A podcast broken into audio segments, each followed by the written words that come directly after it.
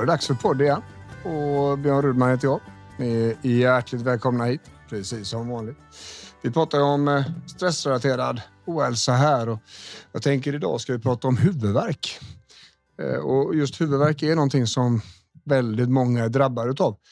Eh, och speciellt då i, i relation till, till stress och utmattning och så också. Det är otroligt jobbig typ och form av smärta. Väldigt svår att komma undan Eh, när man väl har fått den. Och mm, jag tänker så här, vi börjar med att prata lite om, om, om var den kan tänkas komma ifrån och så där.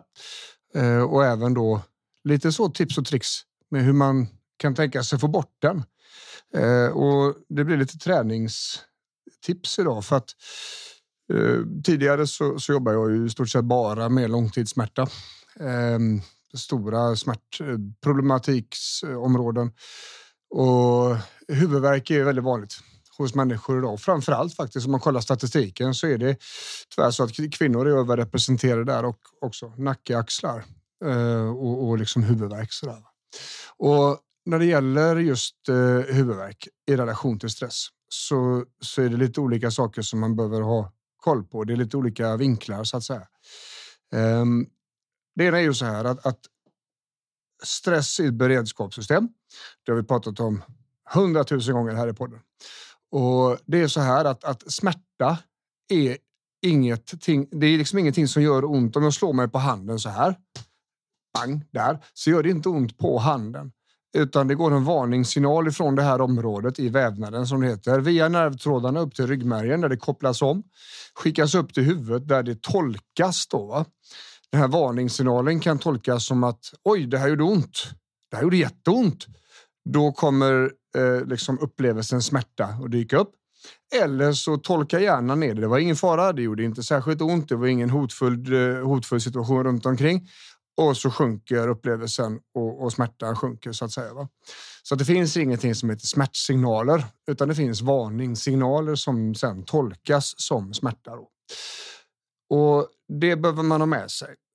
För det är också så här att om jag hade stått, suttit här och slått mig jättemycket på handen här och nypt och hållit på så hade det till slut räckt att jag blåste på, på området för att det skulle göra ont. Eh, och det beror på att området blir känsligare ju mer jag är på och petar. Men det är också så här att de här signalbanorna, varningssignalen, den transportvägen som den tar ifrån området via nervtrådarna, ryggmärgen upp till huvudet, den, där blir vi mer effektiva. Den blir liksom upptrampad den stigen. Så att man blir inte bättre på att hantera smärta över tid, utan du blir alltså duktigare på att ha ont. Va? Och, och har man då haft ont i huvudet mycket så kommer det behöva ganska lite för att det ska göra lika ont som det kanske krävdes jättemycket förr för att det skulle göra. Så det är en sak. Så att ju längre man har haft ont, desto knepigare kommer det bli att få bort smärtan. Det går ändå till stora delar alldeles oftast. Men eh, det, som sagt, ju längre man har haft ont, ju knepigare är det. Det andra då är så här att, att eh, de här varningssignalerna kan eh, ha hållit på så pass länge och eh, själva signalbanorna är så upptrampade att det räcker att det i princip inte är någonting där, utan det sker en tolkning i huvudet utav signalerna hela tiden och ifrån alla olika signaler. Så det kan alltså göra ont på ett ställe som inte är skadat utan problem. Och det är då per definition så har det blivit psykosomatiskt och många åkommor, många besvär har en psykosomatisk faktor. Det är alltså, det har funnits en skada, det kanske finns en mindre skada, men det kan inte förklara hela smärtbilden som man har. utan det finns en stor psykosomatik i detta som man säger då. Så det är ytterligare en del. Eh, när det gäller huvudvärk och sånt där så, så är vi då inne på stress eh, och, och, när vi är stressade, kanske då om vi har råkat ut för en utmattning, då är eh, då är huvudet väldigt överansträngt och det krävs oerhörda mängder energi för att tolka sinnesintryck, för att liksom processa saker, hantera problem, alla de här kognitiva sakerna. Och det kan i sig ge upphov till smärta då också. Ehm, så allt detta tillsammans med ytterligare en faktor det är att när man är stressad och spänd så är man ofta ganska spänd i musklerna också framför allt då runt skulderbladen och det är lätt hänt att höja upp axlarna och Eh, det finns ju vissa teorier om att det skulle då eh, reflexmässigt innebära att man vill skydda sig om man går runt med axlarna uppdragna och sådär. Eh, men vi vet om att, att det blir muskelspänningar vid stressade situationer och när en muskel har varit för spänd för länge så kommer den att hindra området från att röra sig okej okay, eh, så att det kan bli snedbelastningar och liknande. Och en spänd muskel är en muskel som gör ont också till slut. Eh, om man håller, eh, så att ni bär en, en tung låda så kom, och, och, den liksom är ganska tung, men ni står där och så får ni hålla den lådan. Så till slut så kommer det svida ordentligt i armmusklerna. Så att där kan man då testa att det är faktiskt så att spända muskler kommer göra ont till slut. Och om en muskel är för spänd för länge så, så kan den dels bete sig på ett sätt som vi inte har nytta av riktigt eller den kanske inte rör sig ordentligt.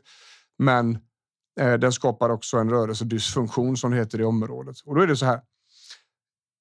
När man har ont i huvudet så är det väldigt sällan som jag har sprungit på under alla år att det är nacken som är problemet. Om man då inte har haft en whiplash, det vill säga pisksnärtsskada, man har ramlat, slått i huvudet, eh, fått huvudet kastat åt något håll och liknande. Då, då kan det absolut vara så. Men i många fall så är det de här stabiliserande musklerna som ska sköta stabiliteten i nacken och de börjar någonstans emellan skulderbladen och så går de upp till skallbasen. När det är muskler runt omkring i skulderbladen just i mitten där som gör ont, då då har de ett smärtutbredningsområde heter det, som går upp nästan som ett frågetecken på huvudet. Lite som en baseballhandske sådär. Så att i många fall så är det spänningshuvudvärk som man har. Har kanske haft väldigt länge och som då förstärks av att man är stressad, beredskapen är höjd, man tolkar de här signalerna mycket starkare och man har haft det väldigt länge och det har kommit och gått. Eh, och så har man kanske då dribblat sig runt i vardagen med hjälp av värktabletter och så har det gått bra och så har det gått ytterligare en vecka. Så det finns många olika orsaker till huvudvärk och då har vi inte ens börjat prata om migränen nu som är ju en neurologisk sjukdom som också kan vara stressutlöst, det vill säga man får ett migränanfall med synrubbningar, kanske med det man kallar för aura. Det känns som att man har någonting runt huvudet eh, tillsammans med illamående, tillsammans med eh, otroligt kraftig smärta på ett eller flera ställen och sådär. Eh, som också, mm, själva migränen kan ju då vara spänningsutlöst. Det kan börja som spänningshuvudvärk och sen så bara rör det sig vidare och så blir det ett migränanfall utav det. Um, så det är lite olika vinklar. Huvudvärk är då, det finns ganska många olika förklaringar och det är inget, alltså att hålla ner stressen är en sak såklart. Minska belastningen är en sak såklart. Ehm, och, och, avslappning, att få musklerna till att faktiskt slappna av. Det är inte helt lätt när man liksom är uppspänd och, och stressad. Det är ytterligare en sak man kan jobba med. Ehm, och, och det jag springer på oftast som väldigt få gör och som också få har fått hjälp med, det är att träna musklerna runt skulderbladen. Det är alltså inte eh, axlarna som är kass, det är inte nacken som är kass, utan det är liksom hela bröstryggspartiet kan man säga. Och i det läget då så, så tänker jag att man ska göra olika rörelser för skulderbladet, både det vi kallar för dragmönstret, det vill säga olika roddar där där armarna och händerna dras bakåt, men där skulderbladen är det som jobbar egentligen. Och även då övningar för press faktiskt. Eh, det vill säga att man tänker att ni pressar händerna framför er fast trycket ska komma ifrån skulderbladen. Så om man håller händerna framför sig med lätt böjda armar så är det liksom ryggen som ska putta fram de här händerna. Man ska alltså inte sträcka oss med axlarna.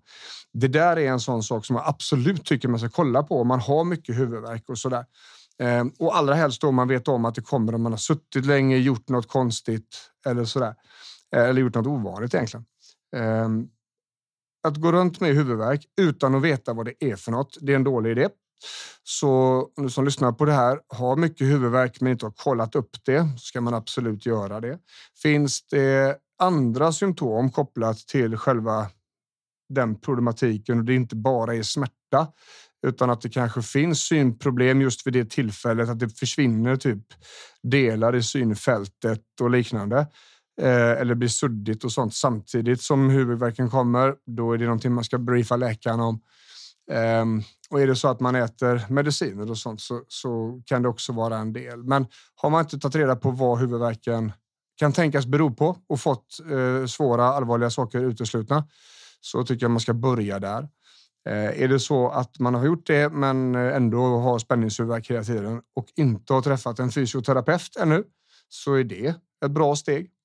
Kan man liksom få reda på vad är det för muskler som inte fungerar och, och vad ska jag göra för att det här ska bli annorlunda och så där. Och är det så att man har kollat upp vad det beror på, fått det till sig att okay, det här är stress och spänning. Okej, okay, men då gör jag vad jag kan för att få ner belastningen och stressen i min vardag.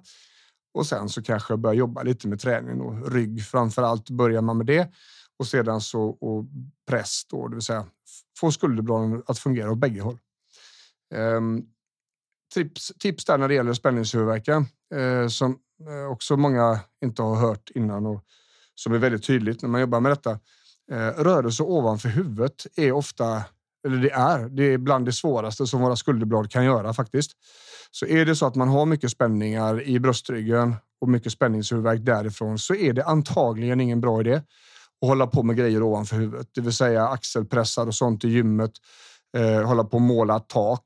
Eh, alla saker där, där vi har bägge händerna ovanför öronen egentligen eh, kommer att påverka skulderbladen väldigt starkt och det behöver de kunna hantera för att det ska kunna bli schysst. Så kan man hoppa över den om man har problem så, så hoppar man över just de rörelserna under en tid medan man tittar på området och så där. Det, det, det, är så jag jobbar med, med spänningshuvudvärk i alla fall och det är inte ovanligt att, att eh, patienter kommer till mig så har, har de ett problem med stress såklart och, och, och psykisk ohälsa kanske eller stressrelaterad ohälsa överlag. Men så finns det också en smärtproblematik som vi måste titta på som vi börjar bita i eh, samtidigt egentligen. Så att ibland är det så att halva passet är, är samtal i mina fåtöljer här och andra halvan är träning.